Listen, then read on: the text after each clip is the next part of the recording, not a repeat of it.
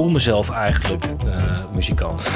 Ja. en volgens mij is het namelijk ook heel erg vergelijkbaar wat wij als editors doen met het maken van muziek. Alleen je gebruikt andere materiaal om je muziek te maken. Welkom bij de NCE-podcast. Na lange tijd van afwezigheid zijn we er weer. En dat had onder andere te maken met wat persoonlijke omstandigheden, zoals een uh, verbouwing, een verhuizing en uh, wat werkgerelateerde zaken. Maar we pakken de draad gewoon weer op waar we gebleven zijn, want ook afgelopen jaar zijn er ook echt mooie dingen gemaakt en er komen er ook nog steeds een uh, heleboel bij. Ehm, allemaal interessante films om over de montage te praten. En in deze aflevering verdiepen we ons in de, de televisiedocumentaire. Een traject dat vaak gepaard gaat onder enorm veel tijdsdruk, een zoektocht naar de juiste journalistiek. Het schrijven van voice-over tekst en het uh, feit dat het er dan visueel en auditief ook nog goed moet uitzien. Kortom, reden genoeg om daarover te gaan praten. En iemand die daar ongelooflijk veel en goed werk voor aflevert is editor, vriend en NCE-collega Daan Bierda. Daan, welkom. Dankjewel. Um, ja, mensen kunnen je kennen van tv-series onder De Trek, De Buit, Het Nieuwe Maxima en een hele rits aan tegenlichtafleveringen. Maar ook documentaires zoals The One All Alone over componist Edgar Verrese van Frank Scheffer, All You Need Is Me over kunstenaar A. Donker en ook diverse videoclips, commercials en zo nu en dan fictie, waar onlangs uh, ook nog eentje van verscheen op Amazon Prime uh, van een aflevering van Modern Love. Um, ja, kortom, veel documentaires, zowel uh, lange als korte. Uh, en dat heb ik me eigenlijk nooit afgevraagd. Maar um, de, is documentaires altijd iets waar jouw interesse lag? Um, nou ja, ik had het niet als uh, ambitie of zoiets per se, denk ik. Maar uh, volgens mij is het wel iets wat het beste bij mij past. En uh, was het iets wat je vroeger veel keek aan ook? Of wat, wat, wat maakt het materiaal, nee, ik, echt ik, materiaal anders dan, dan dat je denkt...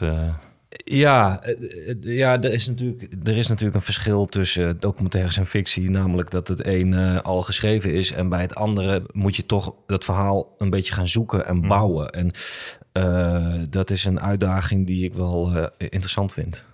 En was dat, heb je dat op de filmacademie ontdekt? Of was het iets wat je na of ervoor? Want nou, je hebt ja, ook wel fictiedingen gedaan. En je doet ja, ze nog steeds af en toe. Klopt, dat klopt.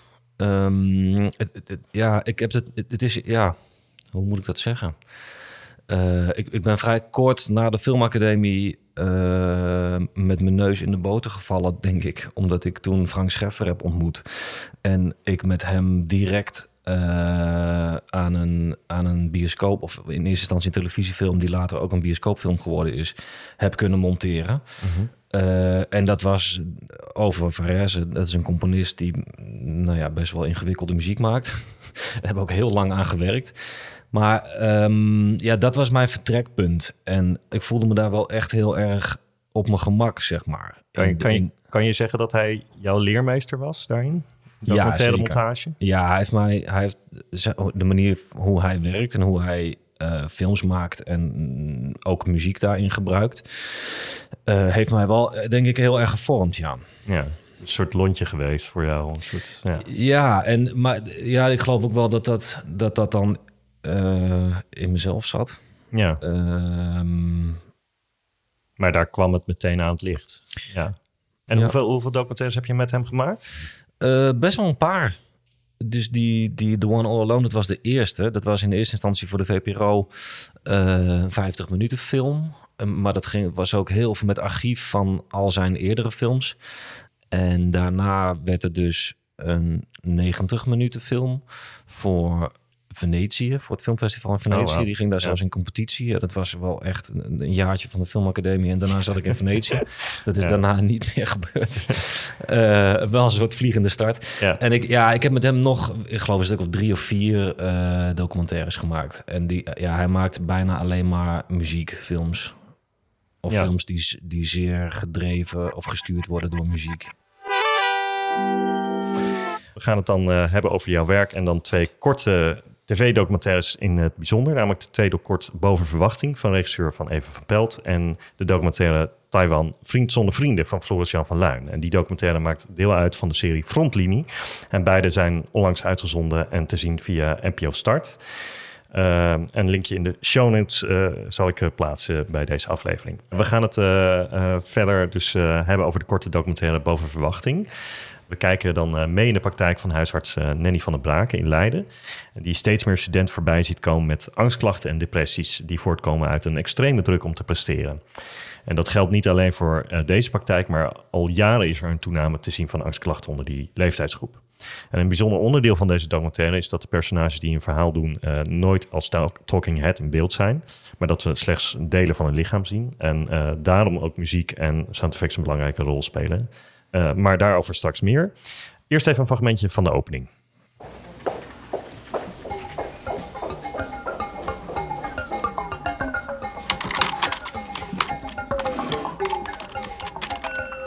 Goed, dan wil ik even in je ogen kijken. Kijk maar even omhoog. Goed, zo weer naar beneden.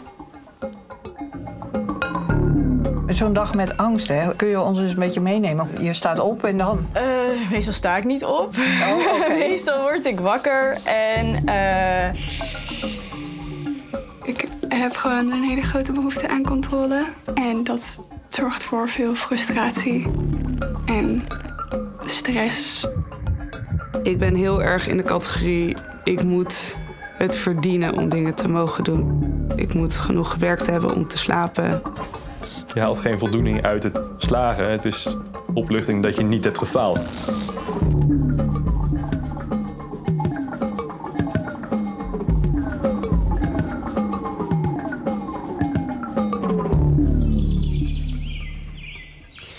Ja, dat was uh, de uh, introductie, de hoe de film begint. Um, kan je vertellen wat we eigenlijk in deze film zien of uh, wat we misschien ook niet zien? Nou, het is wel grappig, want ik zag net voor de eerste keer geen beeld bij die intro. Ja. En toen hoorde ik wel meteen... ja, die muziek die had ik van tevoren gekozen. Ik weet niet wanneer je het daarover wil hebben, maar dat is toch wel het eerste wat me nu ja. binnenschiet. Ik heb het gezocht en dit, uh, deze track die sprak me aan vanwege dat uh, dalende ja, soort spiraal, neerwaartse spiraal die erin zit. Ja, en ook een soort zekere nervositeit zit er, komt erbij kijken. Ja, die allebei. En volgens mij onderstreept dat wel uh, waar die film over gaat. Ja. Ehm, en, uh... doe je dat altijd, zeg maar, dat vooraf muziek kiezen, zeg maar? Is dat al als je een plan leest of een, een script in hoeverre dat er al ook is bij, bij dat is meestal niet. Maar je komt wel op dit idee. Ja, ja, ja, ja. Nee, ik, uh, nee, ik heb natuurlijk met Eva gesproken en die heeft uitgelegd uh, wat ze van plan was. En dan heb ik wel een beeld. Kijk, zo ingewikkeld is het niet. Nee. Het is heel snel duidelijk waar dit over gaat. ja, dan zoek ik gewoon muziek op de onderbuik. Dus ik heb. Uh, ja, ik ga gewoon eigenlijk altijd elektronische muziek af. En, als de, en ik, ik, zoek naar een bepaald gevoel. En in dit geval ja. dat je gelijk een soort van uh, tegen de muur aangedrukt wordt. En zelf eigenlijk ook die druk voelt die die jeugd voelt. Ja. en dat je op die manier meegaat. Dat is wel, dat is wel zeg maar hoe ik geprobeerd heb om dat op die manier over te brengen. Dus als je zit te kijken, dat je jezelf eigenlijk ook nogal gestrest begint te voelen. Dat je denkt, die mensen die stellen nogal zware eisen aan zichzelf. Denk, Jezus. Ja, en ook soms wel herkenbare dingen misschien voor uh, mensen. Ja, ja. soms wel. ik denk dat het wel heel veel mensen wel herkenbaar is. Dat maakt het ook leuk trouwens. Uh, of leuk, dat maakt het gewoon belangrijk. Interessant, belangrijk. Ja, de noodzaak is duidelijk. Ja. ja. We gaan uh, het zo meteen nog heel eventjes hebben over die muziek. Um, je werkte met uh, Eva aan deze documentaire. En ik vroeg Eva ook waarom zij graag met jou werkt. Nou, ik werk sowieso graag met Daan, omdat um, ik hem al lang ken en heel graag mag als mens. Um, maar waarom ik ook vooral voor dit project met hem wilde werken, is omdat hij ontzettend muzikaal mens is, een muzikale editor. En we zaten in dit verhaal met uh, mensen die niet in beeld wilden. En hoewel het, we wel een vorm hebben gevonden dat het beeld ook iets zei. Dus we, we zien niet alleen maar uh, geanonimiseerde mensen, maar die, die shots die we zien, die vertellen ook wel wat over het soort mens dat je hoort. Maar die, die audiolaag die maakt wel heel erg het verhaal en, en uh, de spanning ook in het verhaal. En dat kan Daan gewoon ontzettend goed. De, echt alsof we een muziekstuk aan het componeren waren. Met, ja, met pauzetjes en kleine geluidjes. Ja, dat was echt een, een compositie. En om hem daar ook ehm, aan te zien werken, dat, eh, dat was heel mooi. Wauw. Ja, over die auditieve vorm, hè, die dan... Ben je niet bang dat je dan, uh, althans dat kan ik me dan soms een beetje voorstellen, dat te sturend werkt? Dat het, dat het dus eigenlijk misschien de inhoud van het materiaal overroelt? Um, nou, uh, misschien wel, maar ik ben er niet zo. Ik, ik ben natuurlijk wel altijd bezig. De inhoud is leidend. Uh, en ik laat me ook altijd inspireren. Volgens mij is dat ook normaal door, door de inhoud. Ja. Dus ik ga op zoek naar een klank of naar weet ik veel, de timing. Uh, ja, vanuit de inhoud gedacht. Ja, maar het is een inspiratiebron voor jou. Verder, die, dat, dat, de muziek, ja. zeg maar. Ja, ja, ja. ja. In ieder geval de samensmelting van al die elementen, die auditieve elementen, komt in elk geval goed naar voren in het volgende fragment. Dan loop ik naar het perron. Merk ik dat de ademhaling omhoog gaat. Merk ik dat ja, hoe dichter de tijd komt, hoe meer ik het gevoel heb dat ik gewoon weg wil rennen. Nou ja, vaak is het eerst uh, iets lichamelijks. Dat je hartslag sneller gaat of uh, je voelt je een beetje onrustig worden. Dan ga ik nadenken over hoe ik dat moet aanpakken. Dan ga ik nadenken over wat er mis kan gaan. En dan ga ik daar in een rondje in zitten ronddraaien. En uiteindelijk gebeurt er niks. Ook ineens paniekaanvallen. Het voelt dan echt alsof heel mijn borst wordt samengeknepen. Uh, ik probeer andere dingen te controleren. Dus ik controleer dan mijn slaap of mijn eten. Ik wil even wat water. Ja. Niet heel veel uitzicht op een betaalbare woning of op een leefbare planeet.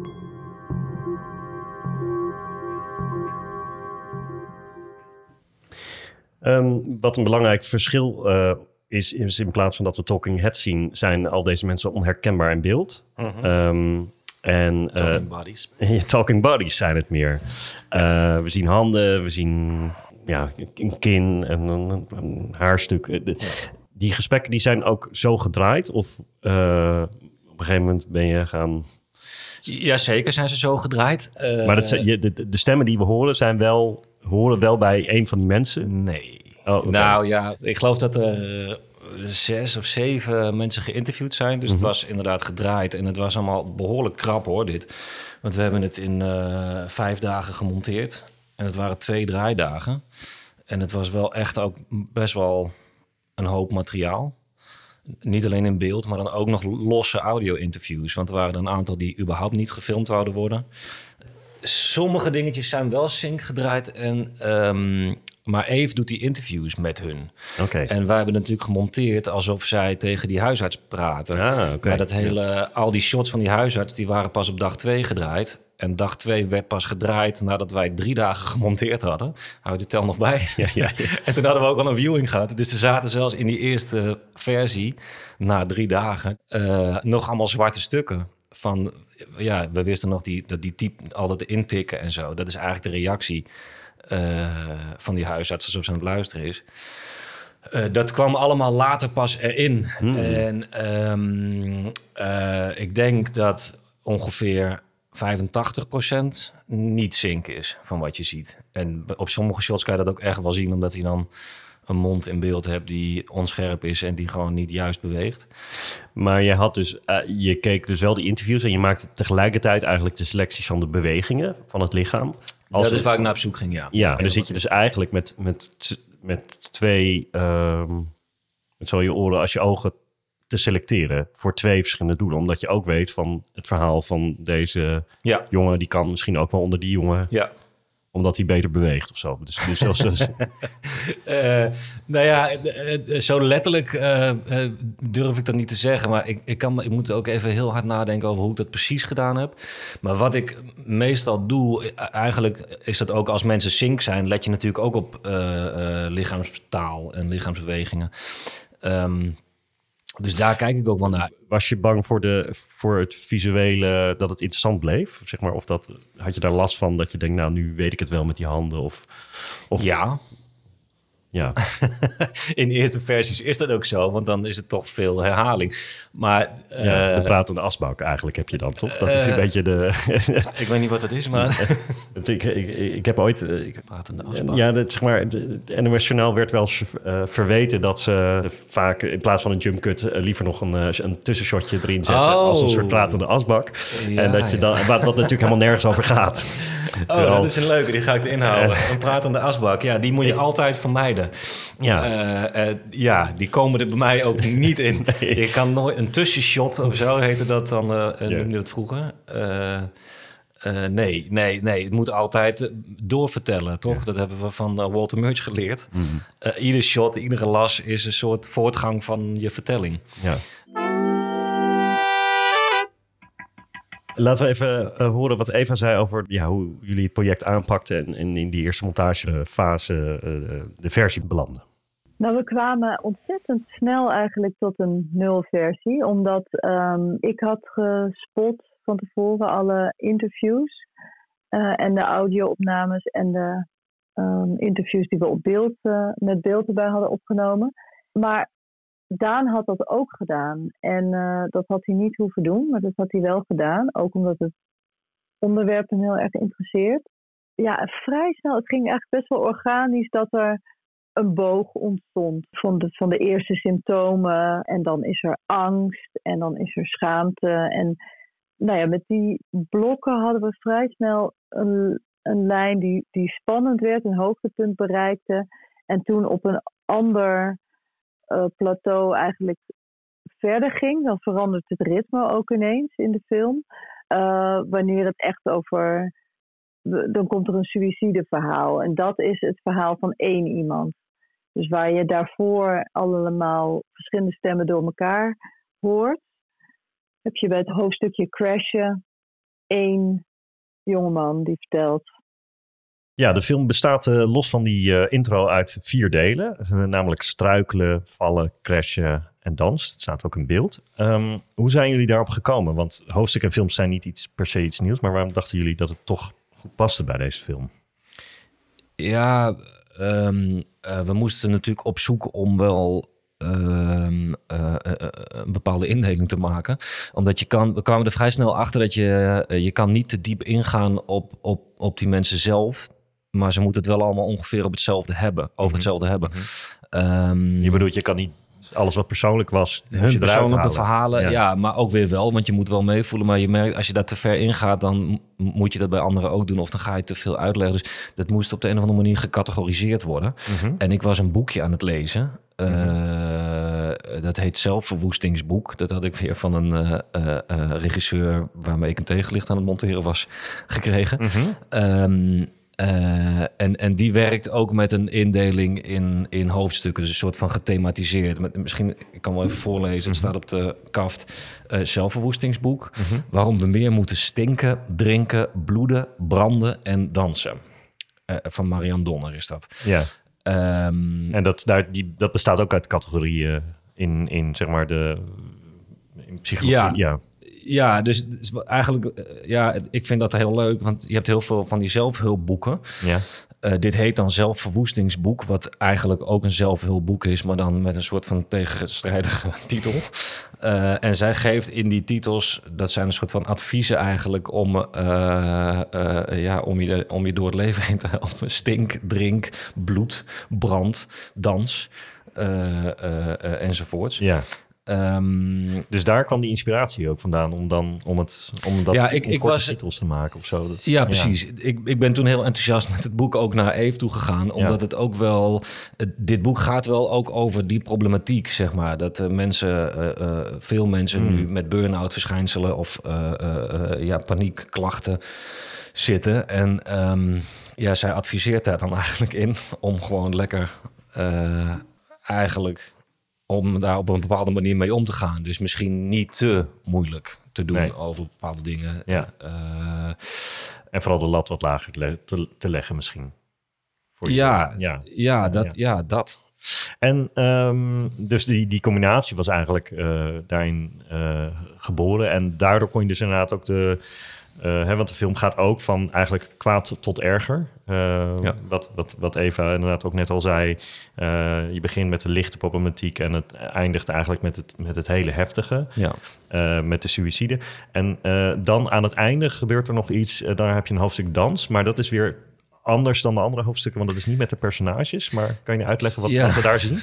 Nou ja, het was best wel lastig. Eh, omdat je in een kwartiertje eh, een, behoorlijke ehm, eh, emotionele rollercoaster hebt eigenlijk. Het is natuurlijk het is heel ernstig waar die luid over hebben. En die klachten zijn ook gewoon natuurlijk hartstikke serieus. Ehm, maar eigenlijk vanuit dat boek gedacht, omdat ik daar toen zo in zat, dacht ik van ja, dat is dan ook een soort van advies, een soort slotadvies om daarmee om te gaan. Dans maar gewoon. Ja. En, eh, want die, de andere, de eerste drie hoofdstukken zijn ook in meervoud, zeg maar. Dus die slaan dan een soort van op, op, op de hoofdstukjes van de film zelf. En het laatste is eh, dans. En wat als een soort van advies bedoeld is.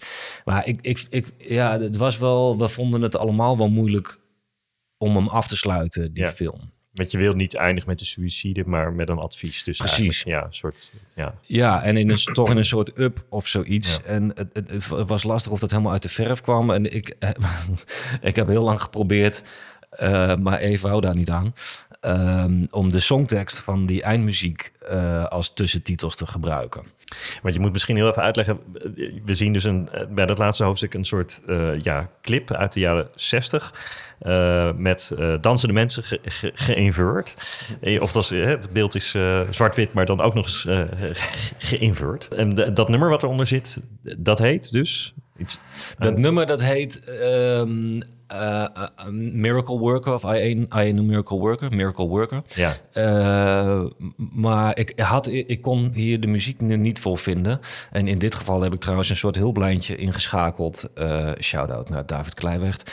Die kan ik altijd, of ja, die informeer ik wel eens. Die weet extreem veel van muziek uit zijn hoofd. Hij is eindredacteur bij de, bij de VPRO, toch? Ja. Ja, eindredacteur, maker ook. Ik heb hem in het verleden ook wel met hem dingen gemonteerd. Ja.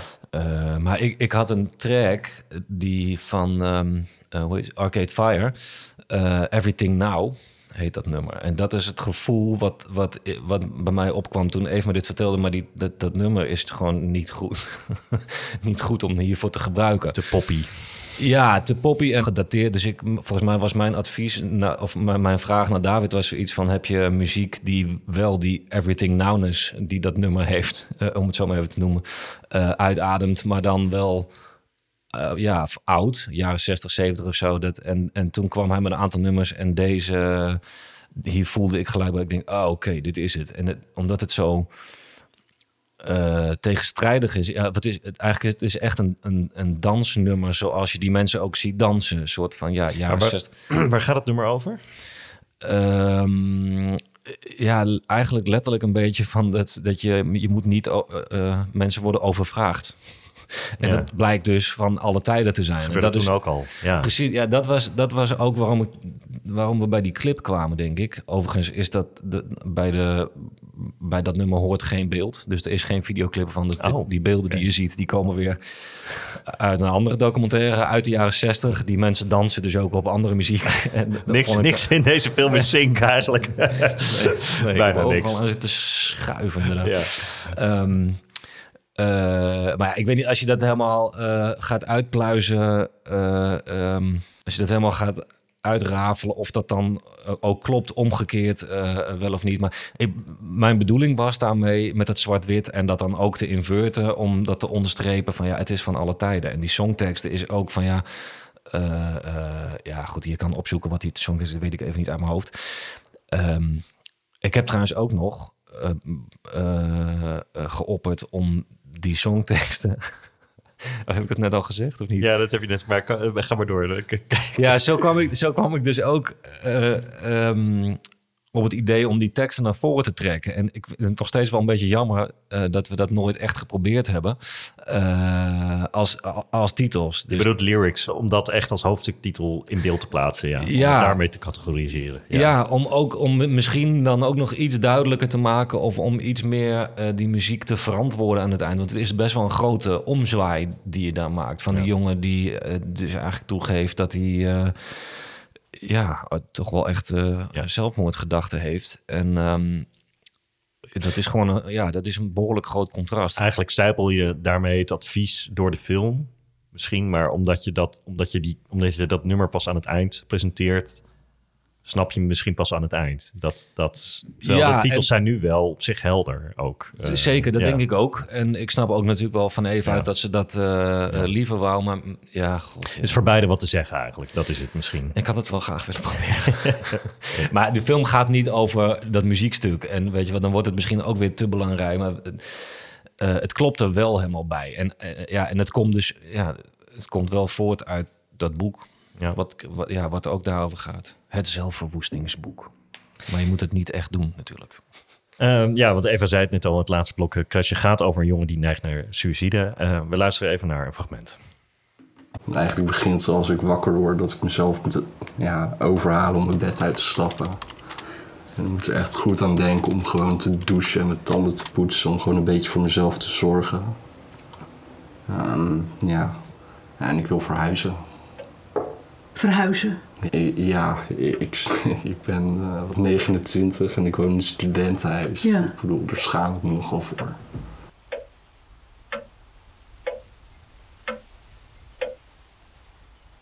Ik voel me niet teleurgesteld in mezelf. Ik ben teleurgesteld in mezelf.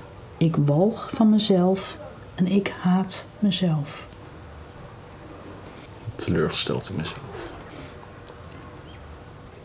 Dan de volgende vraag. Ik huil niet meer dan normaal. Ik huil nu meer dan vroeger. Ik huil nu voortdurend. Ik kon vroeger wel huilen, maar nu kan ik het niet meer, ook al wil ik het wel.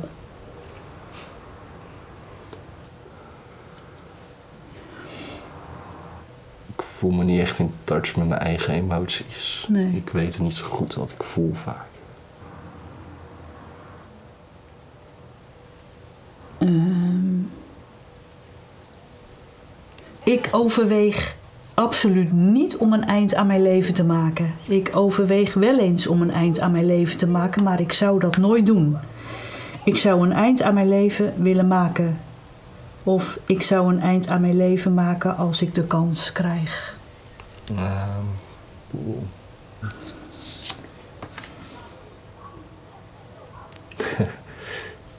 Ik zou dat nooit doen, zou ik vervangen met ik zou dat niet doen. Ehm, het is wel natuurlijk een enorm zwaar onderwerp. Iets, je, je hebt natuurlijk vaker met documentaires dat je over reali- realiteitsdingen of nou, niet zulke leuke dingen Zeker. eh, documentaires maakt. Ja. Ik zou wel eens een humordocumentaire willen maken. Ja. Een Ja. komische documentaire. Ze zijn er vast. ik probeer Eh, wel heel veel met, eh met maar humor kan je het ook persoonlijk op afstand houden? Want je zei net inderdaad, je was dat boek wel aan het lezen. En, en, en het, hè, het- want je dompelt je wel even in zo'n korte periode helemaal onder in een soort bed van traumatische klachten. Word je daar zelf niet ja, heel somber van op? Eh, maar ik vond het wel heel heftig om te horen, ja. Ook, ook dat meisje wat vertelt over dat het nu gewoon eh, normaal is... als je medicijnen gaat studeren. Of zoals zij zegt, geneeskunde. Pardon. Eh, dat het normaal is dat je dan al, voordat je wordt aangenomen... een tripje naar Afrika hebt gedaan. En met een tripje naar Afrika bedoelt ze gewoon... dat je daar zonder papieren geboortes kan doen in dorpen. En dat dat dan al onderdeel van je cv is. En dat dat is blijkbaar de norm is om toegelaten te worden, ja, dat legt wel behoorlijk wat druk op het hele verhaal natuurlijk. En zo zijn er heel veel dingen. Die, die, die eisen die zijn zo extreem hoog. Daar schrok ik wel van. Ja. Maar sowieso in, in documentaires vind je het moeilijk... Of, of kan je dingen op afstand houden? Ook? Ja. Omdat het materiaal is ook. Of, Ja, nou, niet dat het, Of natuurlijk niet dat het me niet raakt. ja. Ehm, bij het Maxima was dat wel wat anders.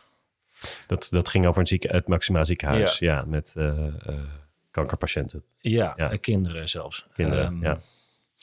Ja, daar vertelde Paul dus wel van een jongetje dat gefilmd werd van ja, die is er nu niet meer. Ja. En ik voel dat nu weer. Dat is gewoon, ja, dat, dat, Ja. toen moest de montage even stilgelegd worden, zeg maar. Ehm, ja, Ja. je voelt dan ook dat je gewoon eh, sterk materiaal in de handen hebt. Ja, zeker. En daar, daar snij je naar eer en geweten natuurlijk in.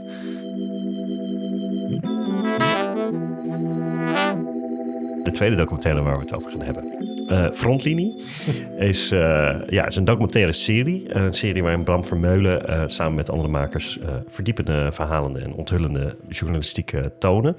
En de aflevering waar we het over gaan hebben heet Taiwan, een vriend zonder vrienden. En is van regisseur Floris-Jan van Luijn. Eh, die zou je kunnen kennen van met Gouden Kalf genomineerde documentaire The Bastard uit 2018. Maar hij is ook correspondent geweest voor de NRC, onder andere in China en Noord-Amerika. Ehm, in deze aflevering van Frontlinie gaat het dus over de groeiende dreiging van China om Taiwan in te nemen. En hij neemt je mee op zoektocht naar de Taiwanese identiteit. En de vraag wordt gesteld eh, wat Nederland doet voor Taiwan in deze tijd. Met name ook omdat Nederland Taiwan niet erkent als onafhankelijke democratische staat. Ehm, Dus even wat anders. ja, dus even heel wat anders. Zullen we even naar een eh intootje luisteren? Dan eh, hebben de mensen thuis ook even een idee waar we het over hebben. Na de afrekening met de Oeigoeren, de corona-crackdown en het einde van de vrijheid in Hongkong, richt China nu zijn pijlen op Taiwan. Maar niet voor het eerst. Toen filmmaker en oud-China-correspondent Floris-Jan van Luijn meer dan 30 jaar geleden Chinees studeerde in Taiwan, werd er ook al gedreigd door China. En ging hij samen met 23 miljoen Taiwanese uit voorzorg de schuilkelders in. Nu, 33 jaar later, peilt hij de nieuwe onrust opnieuw. Boven de grond. Ik voel me dus meer en meer een activist.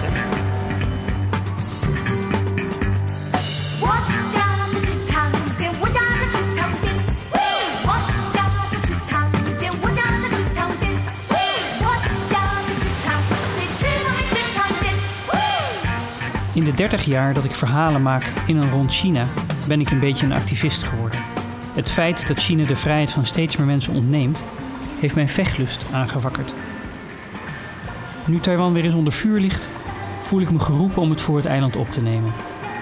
Taiwan is de enige democratie in de wijde omtrek, maar wordt door geen enkele westerse democratie van gewicht erkend. Ook niet door Nederland.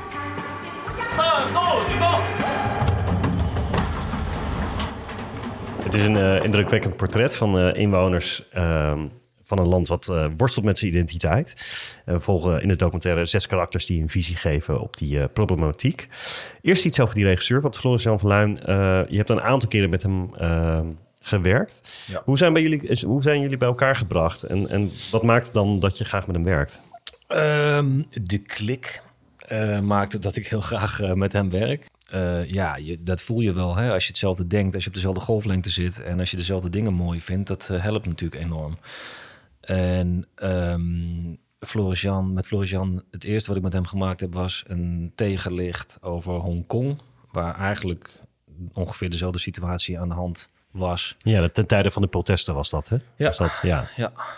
Ehm, Daar waren jullie heel snel bij trouwens. Dat was echt aan de. Nou, het heeft ook wel een tijdje geduurd, geloof ik. Maar hij was daar op dat moment als. Ja. Ja. Ja, ja, ja. ja, ja. Ehm, maar goed, dat was jullie eerste project. Ja, En, en mensen bij de VPRO, want ik heb vrij veel voor de VPRO gedaan, die hadden mij aangeraden voor Floris Jan, want ze hadden denk ik geen editor. En dat ging vanaf. Of dat je gewoon heel goed was. Misschien, nou dat weet ik niet. Eh, eh, ze, men dacht dat wij wel bij elkaar zouden passen en men had daar eh, gelijk aan. Ja, ja. Want ik, ben, ja, nee, ik werk heel graag met hem. Ehm, eh, ja, dat is wel twee handen op één buik, ja. Voordat we dan ingaan op eh, hoe je op montageniveau dan het proces hebt aangepakt, vroeg ik eh, Floris Jan eh, hoe hij in zo'n korte, toch zeker niet eenvoudige tijd dit project aanpakt. Als ik weet dat het, dat het korte projecten zijn, dan is het belangrijk dat je, dat je je goed voorbereidt. Want je weet dat je maar heel weinig montagetijd hebt. En ik weet, als ik bij Daan kom, dan wil ik gewoon zorgen dat, dat ik gewoon weet waar wat zit. En ook ongeveer hoe ik het wil vertellen. Maar het grappige is eigenlijk dat als ik dan met Daan ga zitten, eh, eh, ik denk dat wij allebei zoveel van film houden, dat we toch beginnen met een soort van montage waar geen voice-overs en geen, geen uitleg nodig is. En waar we eigenlijk heel erg op zoek gaan naar, eh, naar de scènes. Om er dan vervolgens achter te komen dat dat absoluut niet haalbaar is in de tijd die we hebben. En dat het ook niet in het materiaal zit. En dat we eigenlijk gewoon weer terug moeten naar het, ja, het strakke oude plan van het doorwerken in blokken. Uh, dus, dus het is vaak sprokkelen en zoeken juist naar de scènes en proberen van heel weinig een scène te maken. En dat is, dat is eigenlijk het aller, aller, aller, allermoeilijkste voor, uh, voor, voor editors die dit soort korte projecten aannemen. Om, om er toch, ja, althans dat is een soort van mijn wens, maar ook Daans, Daans wens, om er toch proberen zoveel mogelijk film van te maken. ja, ja, ja. Ja, ja want waar praten we over? Want hoeveel draaidagen versus een aantal montagedagen waren, waren er?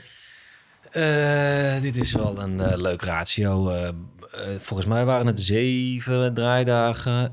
En dan moet ik echt even nadenken. Veertien montagedagen of tien? Tien. Tien. Tien montagedagen. Want je zou eigenlijk zeggen, nou, minstens keer twee, maar... Zeker. Ja, maar dat... Want het is ook nog Chinees. En het Precies. format waar je het ook al even over had, is met uh, Bram Vermeulen in beeld, met een microfoon in zijn hand of op ja. zijn jasje gespeld. Die ja. natuurlijk dan ook scènes al uh, doet. En dan heb je zo al een minuut of acht. Ja, maar in deze precies. Want dat is, dat is, hij doet een aantal andere afleveringen uit die serie, maar uh, deze is dan gemaakt door Floris Jan. Maar hij is dus alleen in voice-over in beeld. Hij is één keer even in beeld, maar voor de rest als voice-over. Dus niet als presentatie. Um, dat maakt het proces ook meteen een stuk lastiger. Dat je, of maakt het het eenvoudiger in sommige stukken? Nee, het maakt het helemaal niet eenvoudiger. het maakt dat het... Ja, dat klopt gewoon niet. Daar is het, hmm. uh, zijn die tien dagen op gebaseerd, denk ik. En trouwens hoofdzakelijk op geld zijn die tien dagen gebaseerd. Uh, maar het is nogal een verschil of je iemand in beeld hebt die, zijn, uh, die gewoon presentatieteksten doet... Ja. of die tekst en uitleg geeft bij situaties of whatever er maar speelt op dat moment. Of dat je dat helemaal met interviews en uh, allerlei shots moet gaan vertellen. Dat is natuurlijk gewoon veel ja. ingewikkelder. En het duurt veel langer voordat je dat te poten hebt. En dan moet je eigenlijk ook meer voor draaien en, enzovoorts. Dus dat is allemaal, uh, ja, dat maakt het wel moeilijker. Die aanpak voor jou was die dan ook heel erg anders dan met Eva? Uh, in de zin van, kijk, allebei zijn het de, dingen onder druk die je onder druk maakt. Ja. Uh, ik maak bijna alles onder druk. Nou ja. Omdat ik heel veel televisie doe natuurlijk. En dit soort televisie. Journalistieke programma's die wel filmpje willen spelen, zeg maar. Ja. Om zo maar eens te noemen. Filmpje en ik, ik ja, dat, dat is, uh, ja, ja, ja. Eigenlijk moet je dat niet doen, maar ik kan gewoon niet anders. Nee. Uh, dus dat is gewoon hoe het er dan altijd erop uitdraait. En ik heb wel op die manier ook een systeem uh, van het kijken van materiaal om je dat eigen te maken. Ja, dat gaat redelijk rap. Want ik, daarom wil ik het zelf ook altijd inladen en zinken. Dan kijk ik er al naar. Dan weet ik eigenlijk ja. al vrij snel okay. in elk geval wat de draaivolgorde was, welke dagen er waren, wanneer het regende, wanneer ze buiten zijn, ja. waar ze binnen zitten. Zodat je meteen bij bent eigenlijk waar, waar ja, dat je meteen kan inspringen op van, oh ja, dit heb ik gezien. Of ja, want dan ga je door de inhoud in de interviews heen ja. en dan zie ik al die shots van ja, waar je het mee kan lappen. En dan probeer ik daar in mijn hoofd ook al een verhaaltje van te maken. Nou, daar gaan we het uh, over hebben. Want over het bouwen van die aflevering vroeg ik uh, ook nog even hoe jullie kwamen tot die structuur en de bouwstenen. Weet je, er zit natuurlijk bij dit soort werk altijd heel veel, uh, wat ik dan maar noem, koeliewerk. Het gewoon, gewoon geploeter. Een van de dingen die ik altijd echt heel zwaar vind, en ik merk dat editors dat ook heel, heel zwaar vinden, is om door interviews te, te gaan. En met name in een andere taal. En uh, ja, ik weet dat Daan ook een bloedhekel aan heeft. Eigenlijk omdat hij dan helemaal moet vertrouwen op mij of op de gebrekkige ondertiteling. En daarin moeten we dan echt een team zijn met elkaar. Om gewoon een dag lang alleen maar door zo'n gesprek te spitten en daar de structuur van te zoeken. En het zeg maar op het moment dat, er, dat, er, dat die bouwstenen er liggen, dan gaat Daan aan. Het geestige vind ik altijd dat je ook echt merkt dat Daan aangaat. Want dan begint hij. Um, zeg maar, voor zich uit een soort van halve conferentie te doen. Uh, wat altijd bijzonder grappig is. Maar dan weet ik wel, uh, oké, okay, Daan is in zijn nopjes, het gaat goed of zo, weet je wel. en als het stilvalt, dan, uh, dan, dan denk ik, oh fuck, dan word ik, ik krijg het zelf ook altijd heel warm van. Want dan zitten we eigenlijk, zeg maar, in troebel water. En, en Daan is er ook nog eens een editor, die, ja, die belt me dan op en zegt, volgens mij hebben we, godverdomme, wel die eerste paar minuten echt fantastisch. Of, of ja, ik denk dat ik het weet of zo. En dan, dan bellen we gerust ook om 11 uur s avonds of eh, weet ik veel wanneer. En ik sta er dus nooit alleen voor. En we laten elkaar in die zin niet in de steek. En dat is wel een eigenschap van Daan die ik ontzettend fijn vind. Ja. Hij voelt zich eh, enorm verantwoordelijk voor het plan. Eh, toch eh, zegt hij ook, je bent een team en dat je samen optrekt. Waar zit dan die scheiding voor jou, even op metaforische, om dat, op dat eh, punt te blijven, dat jij, eh, dat- op welk moment gaat bij jou de lont aan en wanneer blijft het een eh, verantwoordelijkheid van de regisseur om eh, het, het plan te duwen? Wat, kan, je dat, Ja. kan je dat omschrijven? Want dat is nogal een lastige natuurlijk. Want eh, dit- niet iedereen heeft een, eh, zeg maar een aansteker voor jou. Nee, nee, zeker niet. Nee, en eh Floris-Jan heeft hij wel, al is hij hem soms kwijt. Maar daar kan hij niks aan doen. Ehm, nou ja, ja ik, ik, ik ga er wel in als een soort van familie, denk ik. Ja. Eh, en soms met regisseurs werkt dat goed. En dan ben ik denk ik op mijn best. En soms niet. Dat is die klik die ik net ook... Ja, je moet gewoon met iemand eh, klikken. Maar ik ga daar denk ik ook wel vrij ver in, ja. Ehm, je bent samen dat die, die, die film aan het maken. En dat, dat ja, dat, nou ja, daar moet alles voor wijken. Er moet gewoon alles voor wijken, ja. Ja, eigenlijk wel. Eh, eh, wat was de vraag ook alweer? Ja, een groot deel natuurlijk van eh, eh, deze documentaire is, zijn journalistieke voice-over teksten. Ja. Ehm, en toch probeer je dat visueel ook eh, heel interessant te maken, auditief ook, net zoals je bij eh Eve hebt gedaan. Ehm, ik heb een stukje klaarstaan. Kan je eh, vertellen wat, waar dat over gaat? Of dat, wat, wat we horen en wat we zien? Ehm, ja, gedurende de, de hele uitzending. ehm, eh, het idee was, of het filmische idee was, en dat kwam geloof ik ook wel van Floris Jan al bij voorbaat, dat de Xi Jinping, de baas van eh, China, ehm, die geeft elke keer allerlei speeches waarin die zeer duidelijk aangeeft dat Taiwan eh, binnenkort eh, van hem is. Ja. En ehm ehm, Floris Jan is dus, of ze zijn allemaal op straat allerlei televisieschermen gaan draaien. En daar heb ik picture in picture die, die quotes of die, die, die toespraken van Xi Jinping ingeplakt. Alsof hij de hele tijd als een soort van dreiging over de straten daar overal klinkt. Terwijl die mensen, ja, die horen dat al, weet ik het hoeveel jaren allemaal aan. En reageren daar dus eigenlijk niet zo op. Ehm, en het fragment wat nu komt, is daar een variatie op. Want je hebt dit al een aantal keren gezien eh, op dit moment in de, in de aflevering. En eh, de- hier wederom komt dit weer uit de muziek voort. daar, zit een, eh, daar zit een soort eh, repetitie eh, eh, Ja. in, de, in de muziek. En ik dacht, is het dan niet leuk om die speech van Xi Jinping ook in een repetitie te gooien? Is het een remix? Een remix, ja, een herhaling. eh. Hier komt de remix van eh de Amira. 两岸同胞是命运与共的骨肉兄弟， Ondertussen zijn de zoetzure woorden aan de overkant niet echt van toon veranderd. Een beetje als een hangende plaat.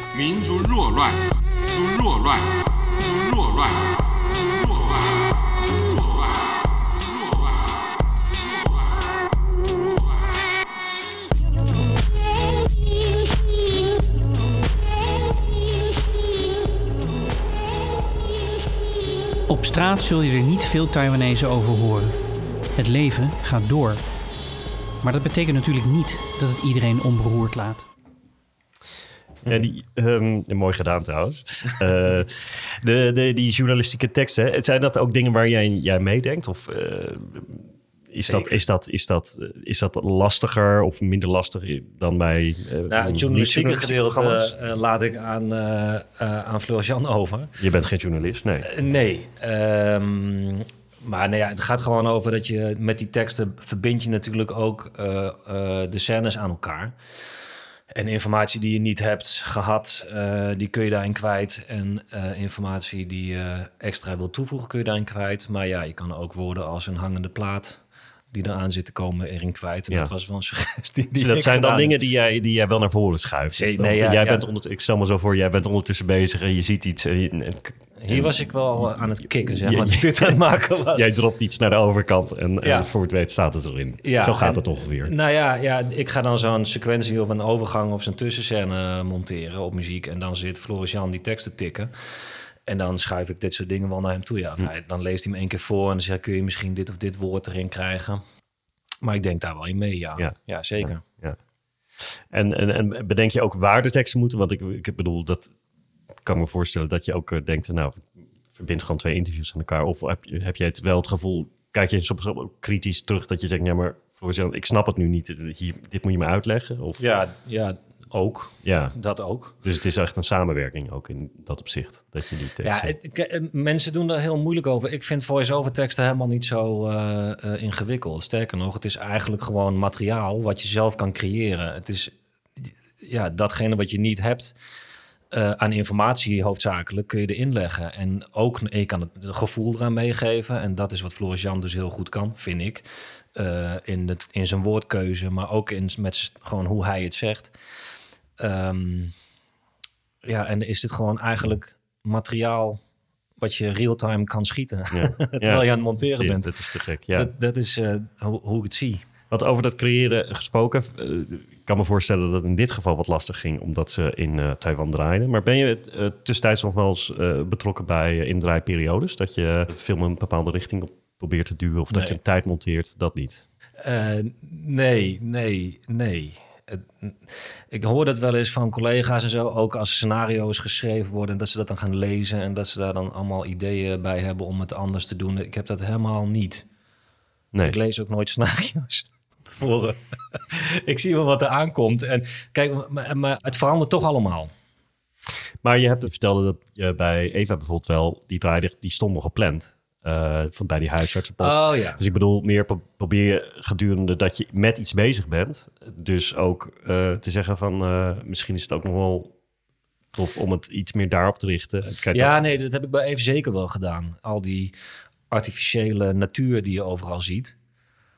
Eh, ja, dus, Dus, er zijn strand en ja. bomen en eh, bos en weet ik veel. Dat zijn, dat zijn de wallpapers eigenlijk in die, in die praktijk. Zijn Die hangen daar zo, de- ja. Met bossen en duinen en dat soort dingen. Ja. En het was wel, ik, ik weet ook niet, Eve was daar al van gecharmeerd om daar sowieso qua beeld iets mee te doen. En toen dacht ik, daar gaan we dan heel realistisch geluid onder gooien. Eh, maar ik heb wel gevraagd om daar specifiek, de- dat shot van dat strand, geloof ik, dat is een uitzoom. Ja, daar hebben we het wel over gehad. En ook het tik op het toetsenbord. Dat is wel waar ik om gevraagd heb, omdat dat toch, eh, zeg maar, ook, dat is voor jou als kijker het moment dat je de, de informatie die je net gehoord hebt gaat ehm, ehm, Verwerken. Ja. verwerken. Inderdaad. Ja. Eh, nee, dus op- precies. Op, so- soms als ze nog een stukje hebben en je bent al een eind op weg, dan vind je het, dan vind je het fijn om, om er nog wel. Ja, dat met een tegenlicht is het ook wel eens dat er nog een draaidag is. En dan vraag je natuurlijk specifiek om shots. Ja, zeker wel. Nou ja, goed, dat over cre- dingen creëren. En eh, eh, nou ja, je zegt dan net voice-over eh, muziek creëren. We gaan nog even luisteren wat Floris-Jan over die eh, muziek te zeggen had. Ja, een van de dingen die ik heel bijzonder vind eh, en heel specifiek vind aan Daan is zijn gevoel voor muziek. Is natuurlijk heel gek eigenlijk. Hè? Is dat ehm, bij lange documentaires zijn we zo gewend om componisten te vragen die dingen voor je maken. Bij de korte televisiedocumentaires moet je putten eigenlijk uit bestaand eh, materiaal. En we hebben op een gegeven moment de, de beslissing genomen om op zoek te gaan naar muziek uit de jaren 70. Dus eh, de Chinese of Taiwanese en Hongkongse muziek uit de jaren 70. En, en, dan, en die dan bewerkt. En daar hebben we echt, eh, ja, of we, ik, ik moet echt zeggen, Daan, echt geweldige, geweldige dingen voor gevonden. Maar het, is natuurlijk, het zit er natuurlijk met name in hoe je het als editor inzet. eh, waar je de muziek inzet. Want eigenlijk doe je dat als regisseur niet. Hè? Eh, ik kan wel zeggen, ik heb, ik heb eigenlijk behoefte aan muziek, maar waar je hem exact plaatst, ik vind dat een enorme kracht vandaan is. Daar heeft hij een enorm gevoel voor. Kan je dat uitleggen? De, de, de, de plaatsing, waar dat ontstaat in je hoofd? Ja, dat ontstaat niet in mijn hoofd. Dat ontstaat, eh, ik weet niet waar dat zit, in je buik. Ja. Dus als ik, als ik aan het monteren ben, ik luister natuurlijk vooraf al die muziek. En, eh, en ja, hoe kan ik het nou eh, helder uitleggen? Het, het zit allemaal op gevoel. Maar goed, eh, de- dus weer een compliment over je muzikale skills. Was jij liever niet muzikus, muzikus of componist geworden dan? Ja. Ja? Of zit er nog een carrière in het verschiet? Nou ja, ik ben, ik ben een soort koekoeksmuzikant misschien. Eh, want ik knip dus wel de hele tijd in andermans muziek. Maar nou ja, ik speel wel een beetje piano en een beetje gitaar. En, eh, en ik, ja, ik durf zelf ook wel te zeggen dat ik daar veel gevoel voor heb. Ehm, heb je ooit muziek ook gemaakt voor eh, een film? Of, Nee. eh, Nee, maar ik dat- heb dus wel ook zo'n piano staan in mijn set. Ja. En, in, en andere instrumenten. Ehm, gitaar en basgitaar. Eh, maar ja, ik, ik zit daar alleen maar een beetje op te kloten. En dat is eigenlijk staan die dingen daar om in een dood momentje even niet achter het toetsenbord te zitten, maar eh, achter een piano of met een gitaar op schoot. Ja. Ehm, ja, maar ja, ik voel mezelf eigenlijk eh, muzikant. Ja. En volgens mij is het namelijk ook heel erg vergelijkbaar wat wij als editors doen met het maken van muziek. Alleen je gebruikt andere materiaal om je muziek te maken. Ehm, en ja, ik weet niet, volgens mij doen niet zo heel veel mensen dat. Maar ik zit thuis heel vaak gewoon zonder telefoon naar muziek te luisteren. Op de bank, stereo. En, Nee, dat- en ja. dat, zie je niet meer zo vaak. Nee, maar en gewoon een heel album. En, eh, en je kan natuurlijk online alles vinden, gewoon alles wat uitkomt met recensies en alles erbij. En dan, ja, ik zoek daarnaar. Ja, en dat inspireert mij gewoon ook enorm. Ik haal daar ook wel ideeën uit die ik dan met beeld ga doen. Dus iets Ja. wat ik in muziek hoor, dat kan ik vertalen in mijn hoofd op mijn eigen manier naar beeld. Ja. Of met sound effects ook. En met sound effects. Ja. Maar ik bedoel, je voelt iets wat in de muziek zit en dat kan ik ook. Ja. Ja, terug. Dus eigenlijk jat ik uit muziek dingen die ik doe. Maak je weer die compositie. Ik heb Ja. er nog wel een leuk voorbeeldje van. Eh, je volgt een aantal eh, karakters in de aflevering. Eén daarvan is een vrouw van de ambassade van een heel klein Caribisch eiland, namelijk Sint Vincent en de Grenadines. Ik had er nog nooit van gehoord, maar ik moest het even opzoeken. Maar het is een eilandengroep en een eiland. Hè? Maak kennis met ambassadeur Bouwman, verreweg de enthousiastste buitenlandse diplomaat van Taiwan.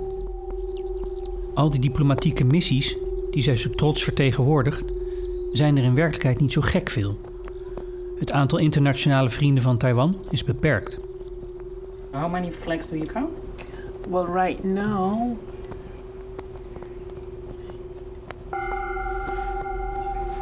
including the Taiwanese flag in the middle, I'm getting 14 flags. So then, but basically, that's 13. And how many empty flagpoles? One, two, three, four, five, six, seven, eight empty flagpoles. Okay?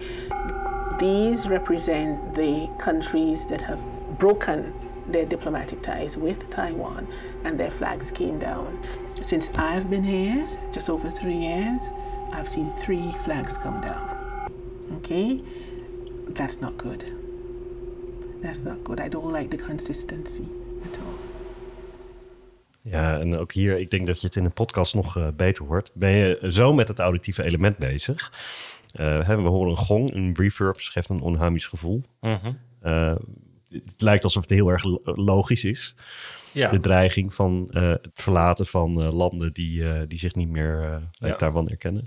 Hoe kwam je daarbij? Nou Ja, dit is wel gedraaid als een scène. Eh, dus het beeld wat we nu niet gezien hebben is dat zij telt die vlaggen. En je hoort ook, je hoort nu in het geluid ook het wapperen van die vlaggen. Dat heb ik ook meteen weer als een soort dramatisch element geprobeerd in te brengen. Want het komt eh, her en der terug in de aflevering. Ehm, en die muziek, ik wist dat ik het is vrij snel dat ik het hier moest inzetten. Een En gong is dit- natuurlijk een Chinees. eh, dit is muziek of is het, is het, zijn het sound effects? Nee, nee, dit is, dit is een, dit is een muziektrack. Ah, oké. Ja. Ja. tussentrack. Maar die heb je ook weer geflipt. Ja, Ja. ik vind het heel vaak leuk om, ehm, eh, hoe heet dat ook alweer? Als, je, als het gespiegeld klopt. Symmetrisch. Symmetrisch. Ja, Ja. dus eh, eh, je voelt inderdaad die dreiging in de, in de muziek. En ik heb dat helemaal opgerekt. En ik heb haar stem, of de, stu- de stukjes die ze zegt, geprobeerd te timen tussen de momenten dat die gong wordt aange, aangeraakt. En op het moment dat het gaat over de vlaggen die naar beneden gaan, heb ik hetzelfde stuk muziek eh, gereversed eronder gezet. Ja. En ook daarin geprobeerd te timen. En het reversen is natuurlijk inhoudelijk het zakken van die vlaggen. Dus die muziek loopt achteruit.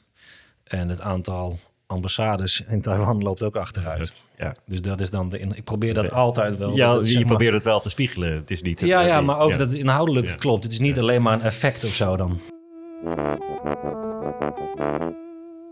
Je hebt, je natuurlijk altijd nog te maken met sounddesign, eh wat erna komt. Dat is bij televisie helaas vaak wat beperkter in tijd en budget. Bij televisie hebben ze vaak niet meer dan een paar uurtjes.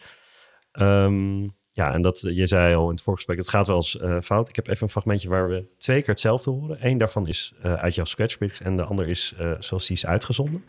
Ehm, we gaan van een inter interviewsituatie in een auto naar een situatie op een schietbaan. En dan mag jij hierna straks even uitleggen wat er dan precies misging.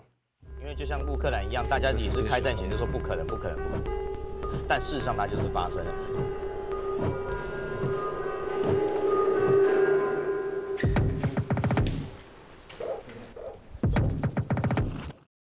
因为就像乌克兰一样，大家也是开战前就说不可能、不可能、不可能，但事实上它就是发生了。